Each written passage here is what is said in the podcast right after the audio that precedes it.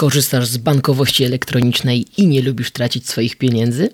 W takim razie ten odcinek powinien Cię zainteresować.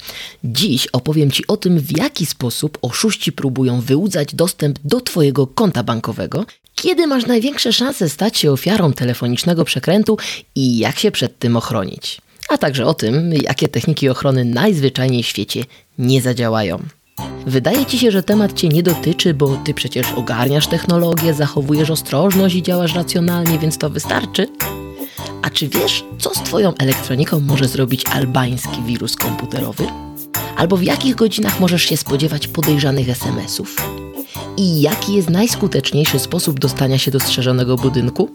Jeżeli nie, to zapraszam do słuchania bo między innymi o tym będzie odcinek numer 003 podcastu Prawowita, w którym porozmawiamy sobie o oszustwach telefonicznych. Ja nazywam się Karina Kunzurbańczyk i uczę ludzi jak tworzyć, działać i promować się w internecie zgodnie z prawem. Dzisiaj skupię się właśnie na działaniu, a dokładniej na tym, co robić i czego nie robić, żeby nie złapać się na przestępcze działania innych. Miałam ostatnio wymuszoną przerwę w nadawaniu. Jak pewnie słyszysz, z moim głosem jeszcze nie do końca wszystko ok. Ale jeżeli PKO Bank Polski chce być sponsorem Twojego odcinka podcastu, to po prostu siadasz i nagrywasz odcinek podcastu, ok? Zwłaszcza jeżeli idea jest naprawdę szczytna. Tak jest, nagranie tego odcinka zawdzięczamy PKO Bankowi Polskiemu, który chce w ten sposób zwiększyć świadomość ludzi na temat cyberbezpieczeństwa i chronić osoby korzystające z bankowości elektronicznej przed oszustwami. Ja to pragnienie podzielam i uważam, że temat jest ważny, dlatego należy jak najwięcej o nim mówić. A że znam się na temacie cyberbezpieczeństwa i cyberprzestępczości, to postanowiłam nagrać kilka słów na ten temat. Miejmy więc nadzieję, że głos da radę i że informacje, ciekawostki i przydatne wskazówki, jakie zyskasz dzięki temu odcinkowi, będą warte tego wysiłku z mojej strony. Być może teraz pomyślisz sobie, dlaczego ja się jeszcze mam męczyć i zwiększać tę swoją świadomość, skoro przecież już używasz tych wszystkich kodów, autoryzacji dwuskładnikowych, uwierzytelnień, antywirusów i haseł na kilkanaście znaków, koniecznie z cyfrą i znakiem specjalnym. Czy to naprawdę nie wystarczy? No właśnie, niekoniecznie. Bo widzisz, może cię zaskoczę, ale do łamania haseł nie zawsze potrzeba superkomputerów z gigantycznymi mocami przerobowymi czy zaawansowanych wirusów komputerowych. Włamania na konta bankowe to nie tylko złośliwe oprogramowanie, zainfekowany smartfon, Pegasusy czy inne programy szpiegujące. Wiesz, jakie jest najsłabsze ogniwo systemu zabezpieczeń w całych tych skomplikowanych krzemowych strukturach komputerowych procesorów? Tak zwany czynnik białkowy, czyli po prostu człowiek, który z tych systemów korzysta. Niejedne badania pokazywały już, że największe zagrożenie dla bezpieczeństwa firm stanowią ich pracownicy.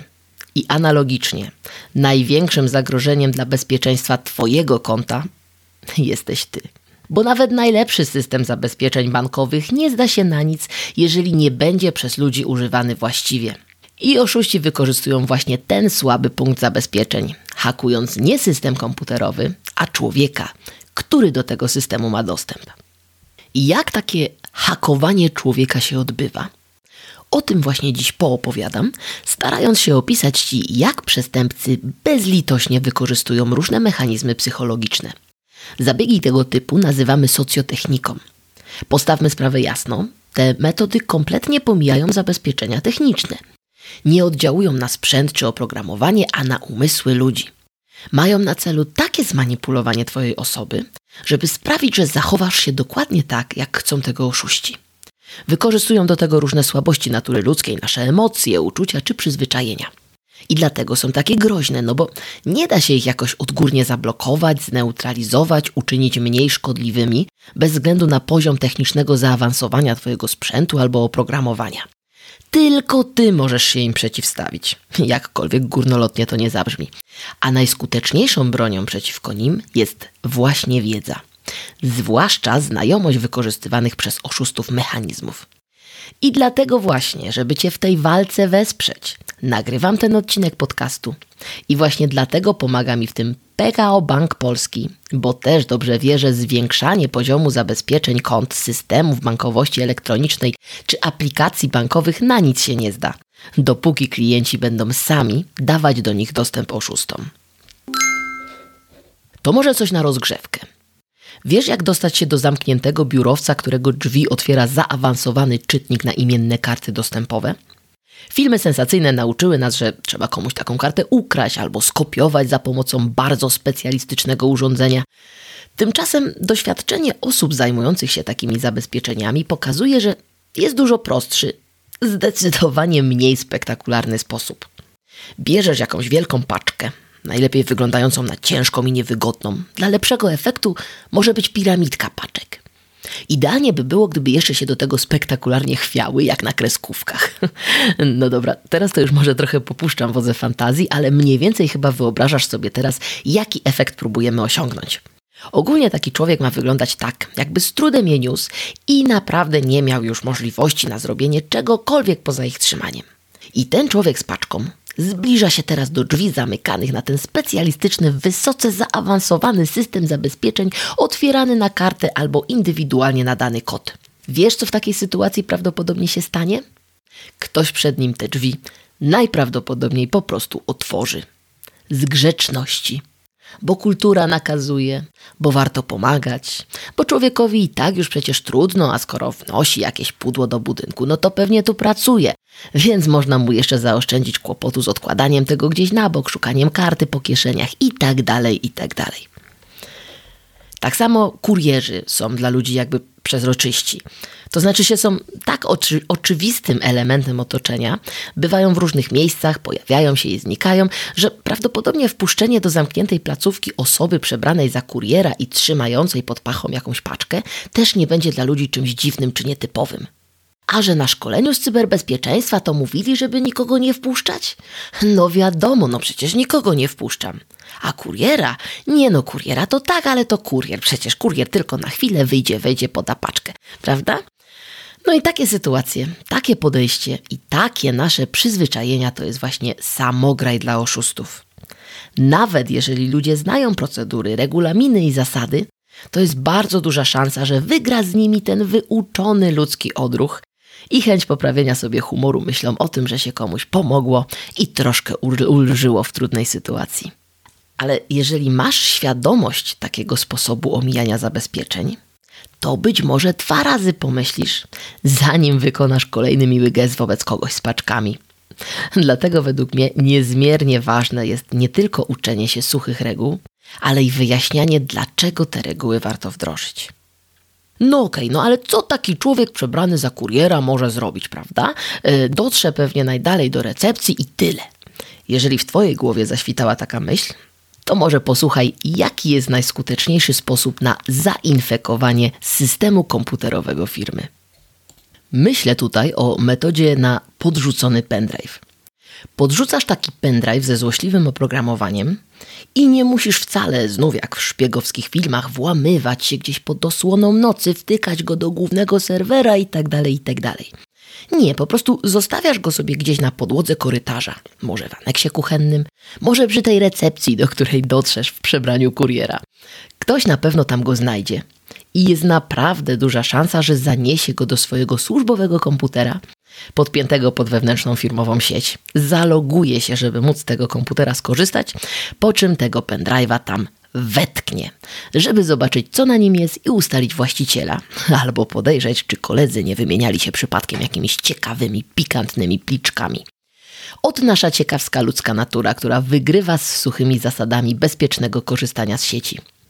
Tak samo nawet najsilniejsze hasło nie pomoże, jeżeli będzie przypięte na karteczce przy monitorze albo pod klawiaturą, prawda?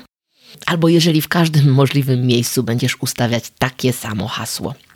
Tak, w mediach regularnie pojawiają się informacje o wycieku haseł z jakichś portali internetowych. Może taka sprawa dotyczyła też Twoich danych, ale myślisz sobie, że oj tam, oj tam, to była jakaś strona z memami od lat nieodwiedzana, nie było tam żadnych wrażliwych danych, albo to tylko jakiś sklepik internetowy, więc jedyne informacje na ten temat, na Twój temat, jakie stamtąd wyciekną, no to jest, nie wiem, informacja o tym, że lubisz trampki i jaki masz rozmiar buta. No i okej. Okay. Może taki wyciek danych nie zniszczy ci życia i kariery tak, jak robiły to nieraz wycieki z portali do umawiania pozamałżeńskich spotkań, czy też ze sklepów z gadżetami dość precyzyjnie wskazujących na Twoje preferencje. Ale to wcale nie znaczy, że te wycieki nie będą dla ciebie groźne. Przestępcy doskonale zdają sobie sprawę z tego, że ludzie nie lubią zapamiętywać miliona różnych loginów i haseł, więc często tymi danymi, które już wyciekły, próbują się logować w innych miejscach. Więc jeżeli masz te same dane logowania w innym, nawet dużo lepiej chronionym serwisie, no to znowu, poziom zabezpieczeń nie będzie tu odgrywać roli, bo tak naprawdę to ty osobiście dajesz komuś na tacy wszystkie ważne informacje. Między innymi dlatego w bankowości elektronicznej wprowadza się dodatkowe zabezpieczenia. Kody na telefon czy potwierdzenie logowania w aplikacji bankowej. Bo nawet jeżeli ktoś pozna Twój login i hasło dzięki wyciekowi danych z innego, mniej strzeżonego miejsca, no to póki nie zdobędzie też dostępu do Twojego telefonu, czy też innego generatora kodów, jaki posiadasz, no to nie uda mu się przejść dalej. I tu przechodzimy w końcu do socjotechnik wykorzystywanych przy oszustwach telefonicznych.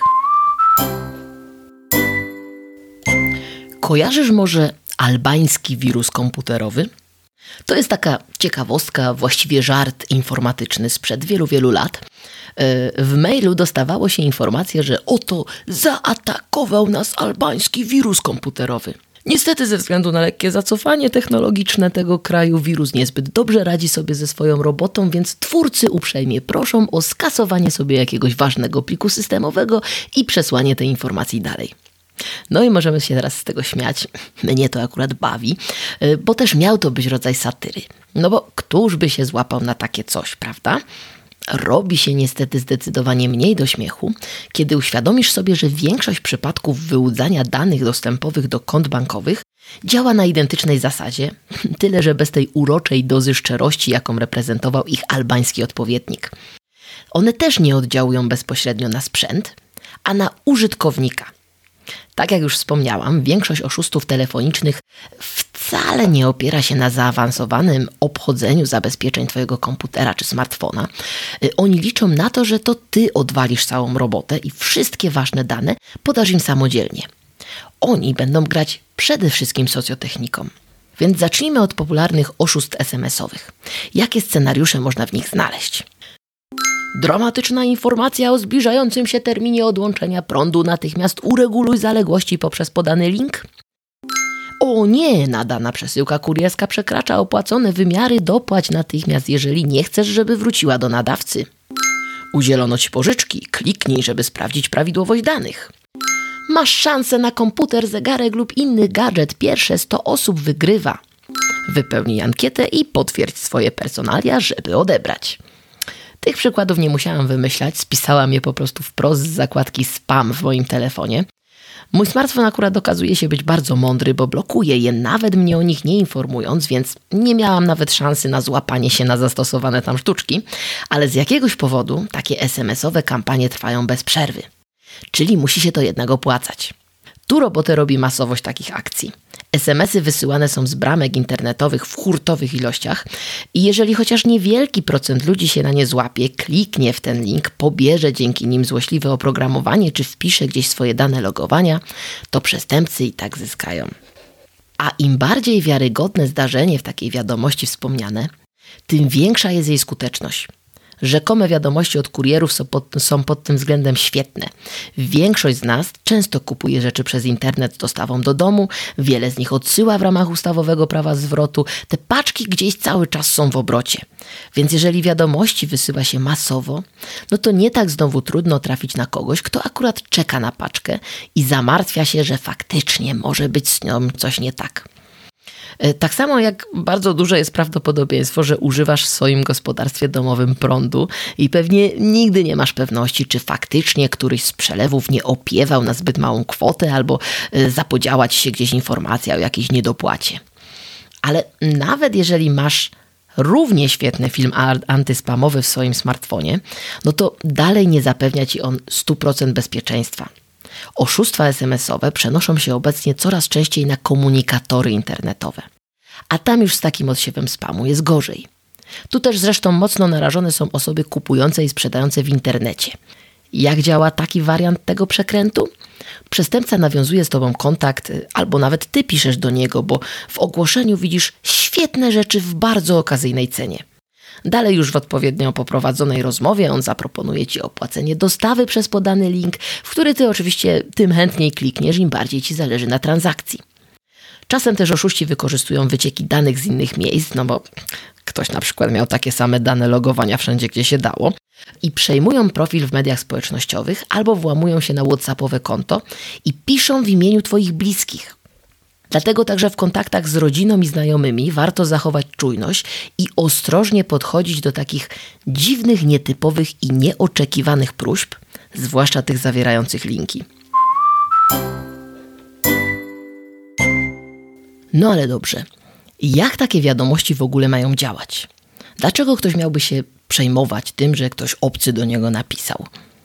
Omówmy więc sobie krok po kroku, co się stanie, kiedy złapiemy się w tę sprytną intrygę i klikniemy w coś, w co nie powinniśmy. Najczęściej zawarty w takich wiadomościach link kieruje cię do podrobionej strony płatności internetowych. Dzięki temu będzie ci się wydawać, że ty logujesz się do swojego banku, a tymczasem będziesz wpisywać swoje dane logowania na stronie w pełni kontrolowanej przez oszusta. Przyszło ci teraz być może do głowy, że przecież twój bank ma daleko idące zabezpieczenia, na przykład pokazuje obrazki przypisane do konkretnego loginu, więc jeżeli ich nie zobaczysz, no to wyczujesz podstęp, albo że do zalogowania się na konto wymaga się dodatkowego potwierdzenia w aplikacji bankowej. I żaden z tych elementów nie będzie nie do przejścia, jeżeli tylko samodzielnie pomożesz oszustowi je ominąć. Widzisz, takie oszustwo to jest często robota na cały etat, a nie, że tak ujmę, dochód pasywny, kiedy ktoś rozsyła sobie SMS-y, a potem odpoczywa, czekając spokojnie na to, ilu się złowi. Często takie akcje są skoordynowane no albo zautomatyzowane, ale czasem lepiej opłaca się zatrudnić jakiegoś pracownika z innego kraju niż, niż automatyzować takie rzeczy. Więc gdzieś tam jakiś człowiek czujnie sobie czeka na informacje o próbie logowania na swojej fałszywej stronie, sprawdza jaki bank wybierasz i otwiera w oknie swojej przeglądarki właściwą stronę banku. Ty wpisujesz login i on to widzi, wpisuje go samodzielnie na tej prawdziwej stronie. Jeżeli wybierasz obrazek identyfikacyjny z puli automatycznie dostępnych, to przestępca też taką pulę obrazków może mieć już przygotowaną. Więc wybiera ten, który pokazuje mu prawdziwa strona logowania i przekazuje go na tę swoją, fałszywą stronę, żeby pokazać go tobie. Ty widzisz właściwy obrazek, więc kontynuujesz. Czasem mechanizm jest nawet mniej skomplikowany, bo strona nie wgrywa żadnego obrazka, a ty zwalisz to na przykład na słabe łącze. Y, albo w ogóle tego nie zauważysz, no bo przecież walczysz właśnie o to, żeby nie odcięto ci prądu, albo żeby ta ważna paczka dotarła na czas, prawda? Socjotechnika. Oszuści wykorzystują tutaj silne emocje, które mają uśpić Twoją czujność, osłabić spostrzegawczość i zdolność racjonalnej oceny sytuacji. Nie na darmo również takie SMS-y przychodzą przede wszystkim w porach porannych albo w typowej porze powrotów z pracy, kiedy zapewne przeskakujesz właśnie z jednego środka komunikacji na drugi, albo stoisz nerwowo w korku, albo starasz się skoordynować akcję zaprowadzenia dzieci do szkół, przedszkoli i żłobków bez spóźnienia się do pracy. Stare, mądre przysłowie mówi, że pośpiech jest złym doradcą. I ma rację. Oszuści też to wiedzą. No to co teraz następuje? Wpisujesz hasło, oszust je widzi, no bo w końcu to jest jego strona i tak ją sobie zaprojektował, bierze i wpisuje twoje hasło na prawdziwej stronie banku. No i co teraz nastąpi?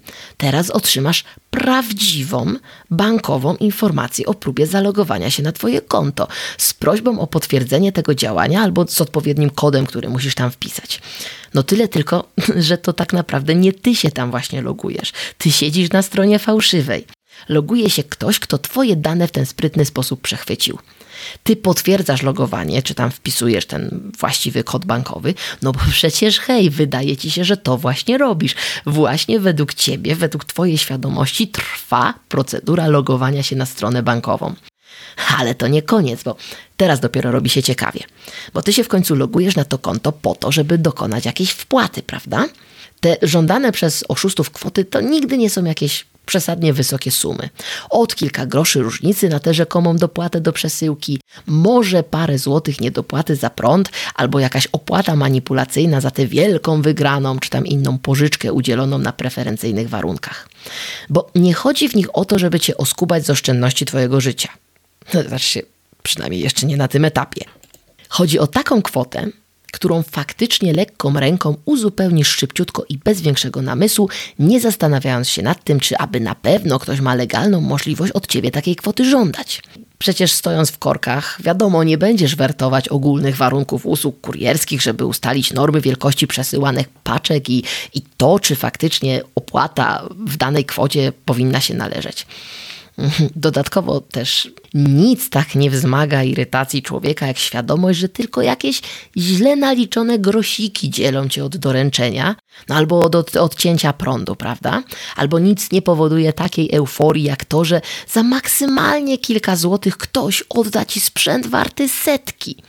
Każda silna emocja jest dobra, no bo znów silne emocje, czy to negatywne, czy pozytywne, zmniejszają naszą czujność. Sprawiają, że przeklikujesz szybko te wszystkie komunikaty wysyłane przez swój telefon i dążysz do upatrzonego celu. Wiesz po co przestępcom ta groszowa wpłata, skoro siedzą już właśnie przecież na Twoim koncie bankowym i mają dostęp do wszystkich zawartych tam informacji? Bo tu znów wracamy do zabezpieczeń. Wszystkie transakcje i zmiany na internetowych kontach bankowych wymagają podawania przez właściciela konta dodatkowych kodów czy tam potwierdzania w aplikacji. Dlatego sam włam na konto jeszcze niczego nie zmienia, nic nie daje. Oszuści wiedzą, że mają teraz jedną jedyną szansę na zmianę, no bo ten jeden kod, niby potwierdzający przelew, bez problemu im już przekażesz. Po to przecież jesteś na tej, wydaje ci się, że jesteś na stronie logowania a nawet już w banku. No ale co można zrobić z jednym, jedynym kodem bankowym? Okazuje się, że bardzo dużo, bo można na przykład ustawić zaufanego odbiorcę przelewu. I dzięki temu każde kolejne przelewy do takiej osoby nie będą już wymagały dodatkowej autoryzacji. Chyba już nie muszę tłumaczyć, jak łatwo wtedy jest przetransferować na spokojnie calutką gotówkę z konta na konto, prawda? Ktoś może też zmienić numer telefonu, na który powinny przychodzić Ci wiadomości z banku, no i kolejne kody otrzyma wtedy już na ten swój numer telefonu. Dlatego tak ważne jest, żeby zawsze czytać dokładnie komunikaty przesyłane przez Twój bank. Sprawdzaj, z jakiego powodu system przesyła Ci kod lub komunikat z aplikacji bankowej, nawet jeżeli wydaje Ci się, że doskonale wiesz, co w nim być powinno. Sprawdź, czy to jest faktycznie przelew kwoty, którą wpisujesz, czy może zmiana ważny, ważny, ważnych ustawień konta, pozbawiająca ci nad nim kontroli. Nie dawaj się rutynie. Ja wiem, że kolejnych takich samych SMS-ów to już się nie czyta w całości, tylko się skroluje wzrokiem miejsce, gdzie zwykle znajduje się ten kod do przepisania. Albo się potwierdza szybko operację, o której aplikacja bankowa informuje. No bo wydaje nam się, że skoro teraz w tym momencie działamy na koncie, no to wszystkie komunikaty są związane z dokładnie tym działaniem, które wykonujemy. No i potem może się człowiek niestety niemiło zdziwić, bo znów Pośpiech, duże emocje, rozkojarzenie, ale i rutyna zwiększają szanse na to, że coś takiego po prostu przeoczymy. Linki zamieszczone w takich fałszywych wiadomościach SMS-owych mogą też działać inaczej. Mogą doprowadzić cię do zainstalowania oprogramowania szpiegującego, które już dalej sczyta sobie samo w odpowiednim momencie wpisywane przez ciebie dane bankowe. I ja wiem, mówiłam, że ataki miały nie polegać na złośliwym oprogramowaniu. No tyle tylko, że tu sytuacja jest inna. Owszem, osobom działającym w ten sposób zdarza się używać programów szpiegujących, ale dopiero na dalszym etapie akcji. Nie muszą za to za pomocą tego złośliwego kodu obchodzić zabezpieczeń, żeby zainstalować na Twoim sprzęcie coś, na co mają ochotę, bo Ty to robisz własnymi rękami. Albański wirus komputerowy, widząc jak świetnie radzą sobie jego współcześni naśladowcy, na pewno byłby dumny. Jak można się obronić przed takim atakiem za pomocą SMS-ów? Najprościej można byłoby powiedzieć, nie robić nic. No, najprościej jest w linki nie klikać. A jeżeli ktoś znajomy wyskakuje nagle z prośbą finansową, nawet niepozorną, lepiej zadzwoń osobiście i upewnij się, że on wie o tej wiadomości, bo być może sam właśnie stał się ofiarą przestępców. I nie działaj pochopnie. Dostajesz dziwną wiadomość o problemach z podstawowymi mediami? Większość urzędów i państwowych firm naprawdę nie działa tak błyskawicznie zdążysz wrócić do domu, odetchnąć, dokładnie przeczytać tego SMS-a i dopiero podjąć działania. Choćby i następnego dnia. Nie załatwiaj płatności elektronicznych w biegu, w pośpiechu i na szybko. nawet jeżeli to drobne pomijalne kwoty. Daj sobie czas. Stawką są Twoje oszczędności. Tak jak już wspominałam, oszustwa przy pomocy wiadomości tekstowych często są wyłapywane przez systemy antyspamowe e, lub wymagają podjęcia trudniejszych działań ze strony oszusta. Dlatego zdecydowanie większą popularnością cieszą się przestępstwa telefoniczne, czyli te, w których sam oszust nawiązuje z tobą połączenie i podejmuje rozmowę. Cieszą się one też niestety zdecydowanie większą skutecznością. No cóż, jesteśmy istotami społecznymi. Drugiemu człowiekowi uwierzymy zdecydowanie szybciej niż słowu pisanemu. Zwłaszcza jeżeli będzie to człowiek przekonujący. Pamiętasz metodę na wnuczka? W skrócie, y, przestępca podaje się za członka rodziny, który ma wielki problem i natychmiast potrzebuje gotówki. Ogólnie o metodzie na wnuczka wiele już powiedziano. Wydaje mi się, że każdy chyba ten chwyt już kojarzy. E, to wręcz stał się taki, sta, stała się takim symbolem oszustw właśnie telefonicznych. I faktycznie, dzięki kampaniom informacyjnym na ten temat wzrosła wykrywalność tych przestępstw. Starsi ludzie zamiast e, pakować oszczędności życia w reklamówki, dzwonili na policję, pomagając ujmować oszustów. Wiesz, jak zareagowali na to przestępcy? No przecież nie przeszli na jasną stronę mocy, prawda? Zaczęli stosować metodę na policjanta. Najpierw dzwonił wnuczek, jak w klasycznym wariancie tego oszustwa, a potem zaraz rzekomy policjant rozpracowywujący tę sprawę. Prosił o pomoc w ujęciu sprawcy przez przygotowanie paczki z tymi oszczędnościami, których rzekomy wnuczek się domagał. E, no i która oczywiście ta paczka miała być przez służby przejęta i zwrócona bez żadnego problemu. No i znowu ludzie kojarzący doskonale metodę na wnuczka i na nią uodpornieni dawali się bez problemu złapać w przekręt na policjanta.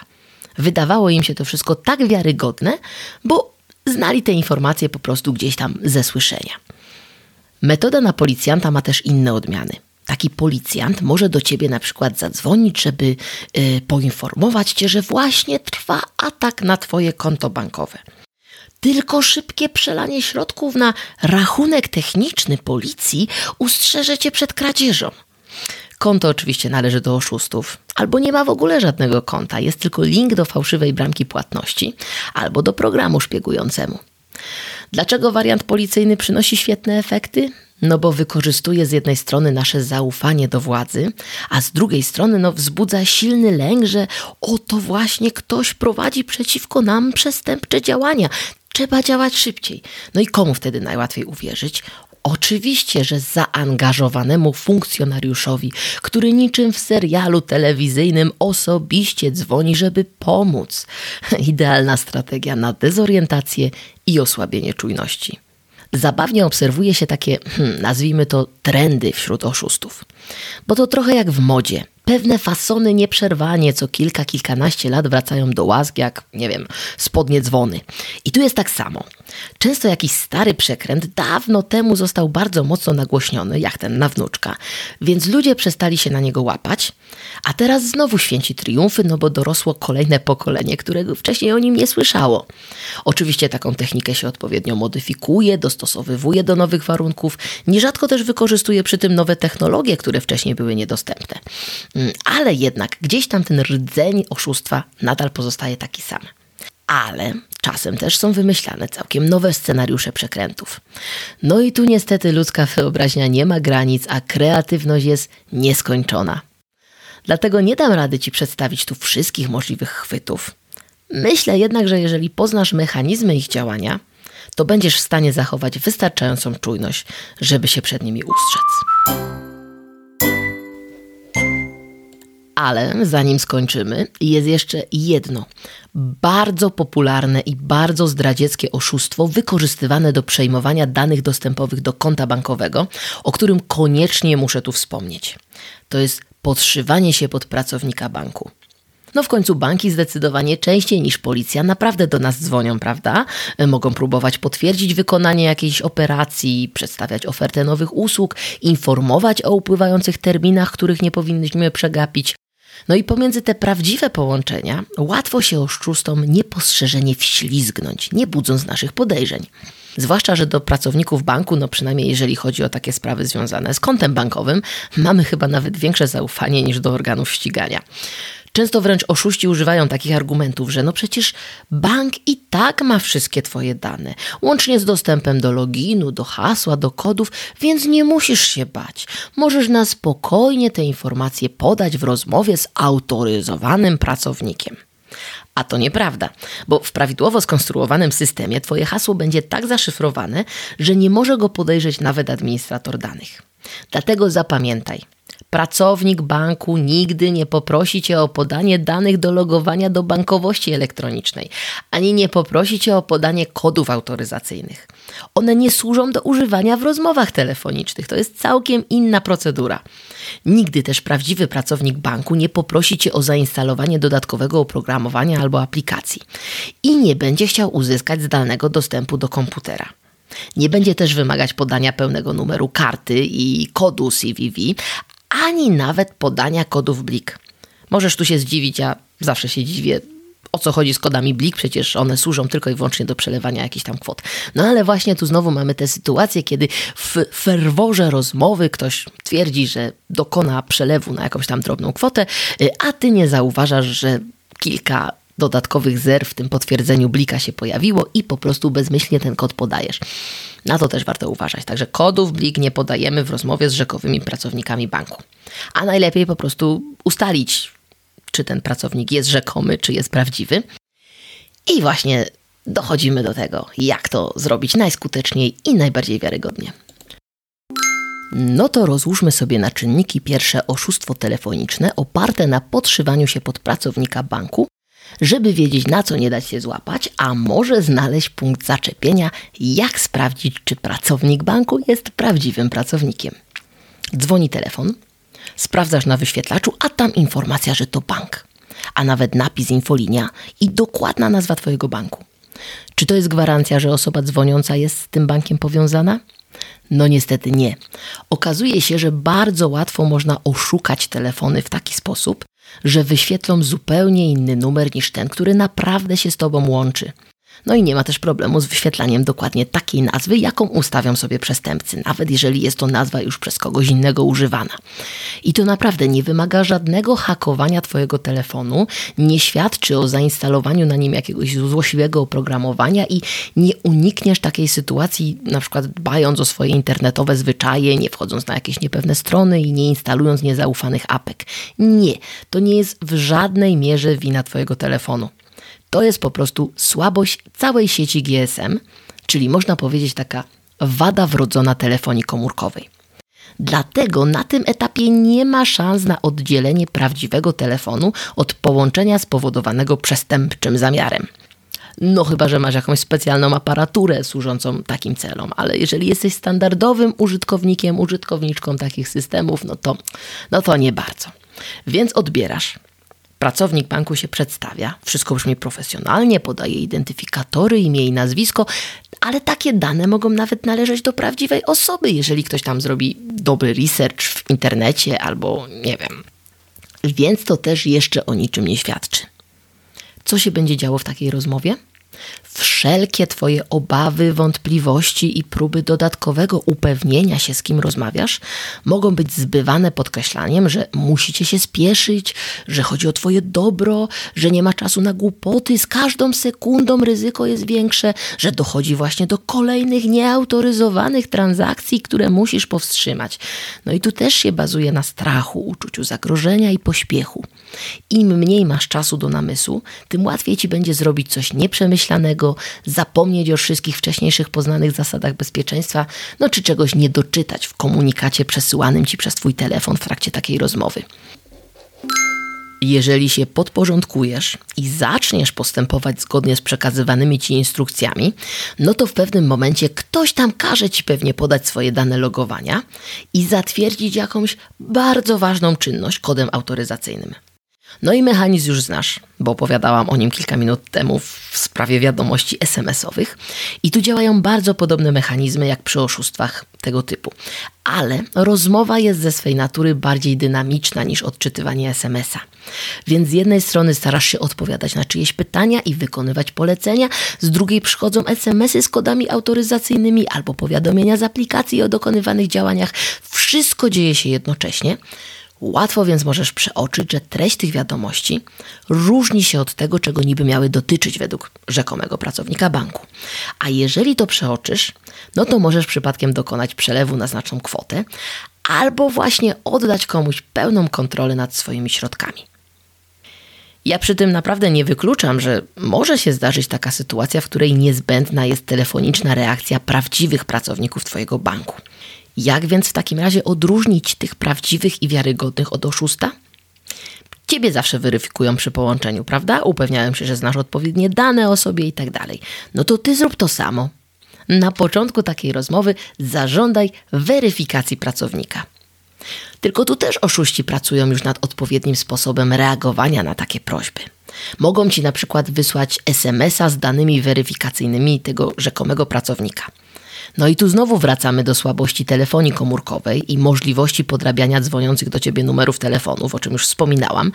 I tak samo łatwo można podszyć się pod prawdziwego nadawcę SMS-a i nie wymaga to żadnego zaawansowanego hakerstwa. Najgorsze jest to, że nie masz możliwości sprawdzenia, czy to jest legitny SMS, czy jakiś oszukańczy.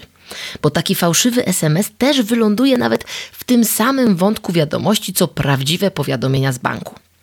Widzisz więc, że no, nawet nasze smartfony nie do końca są takie z domu smart, a SMS-om nie można ufać.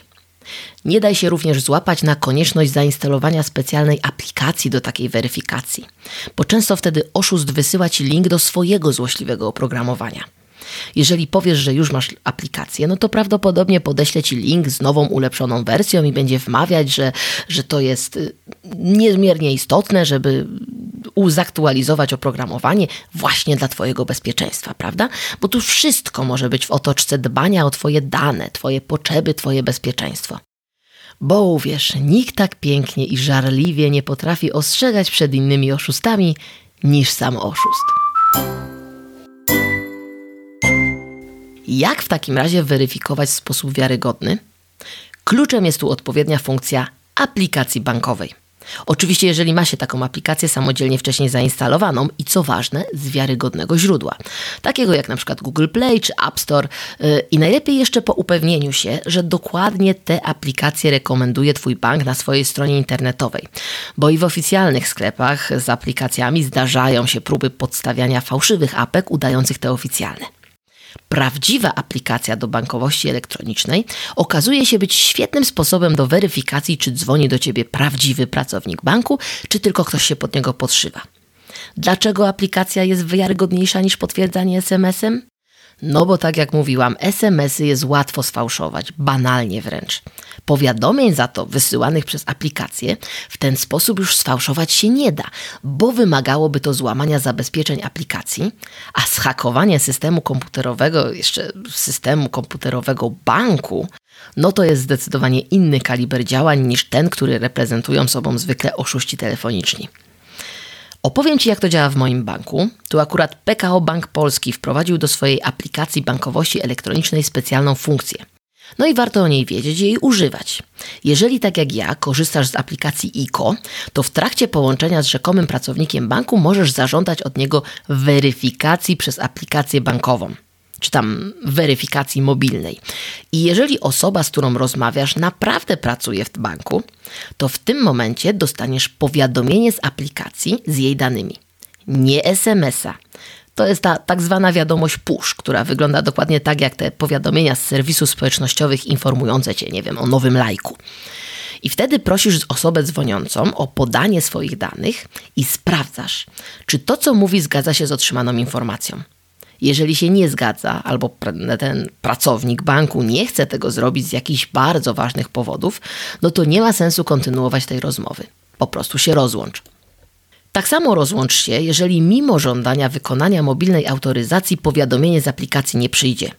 No bo najwyraźniej dzwoniący wcale nie ma dostępu do systemu komputerowego i nie może takiej weryfikacji formalnie zainicjować. A co jeżeli nie masz zainstalowanej aplikacji bankowości elektronicznej, a rozmowa wzbudza Twoje wątpliwości? Wtedy też się rozłącz.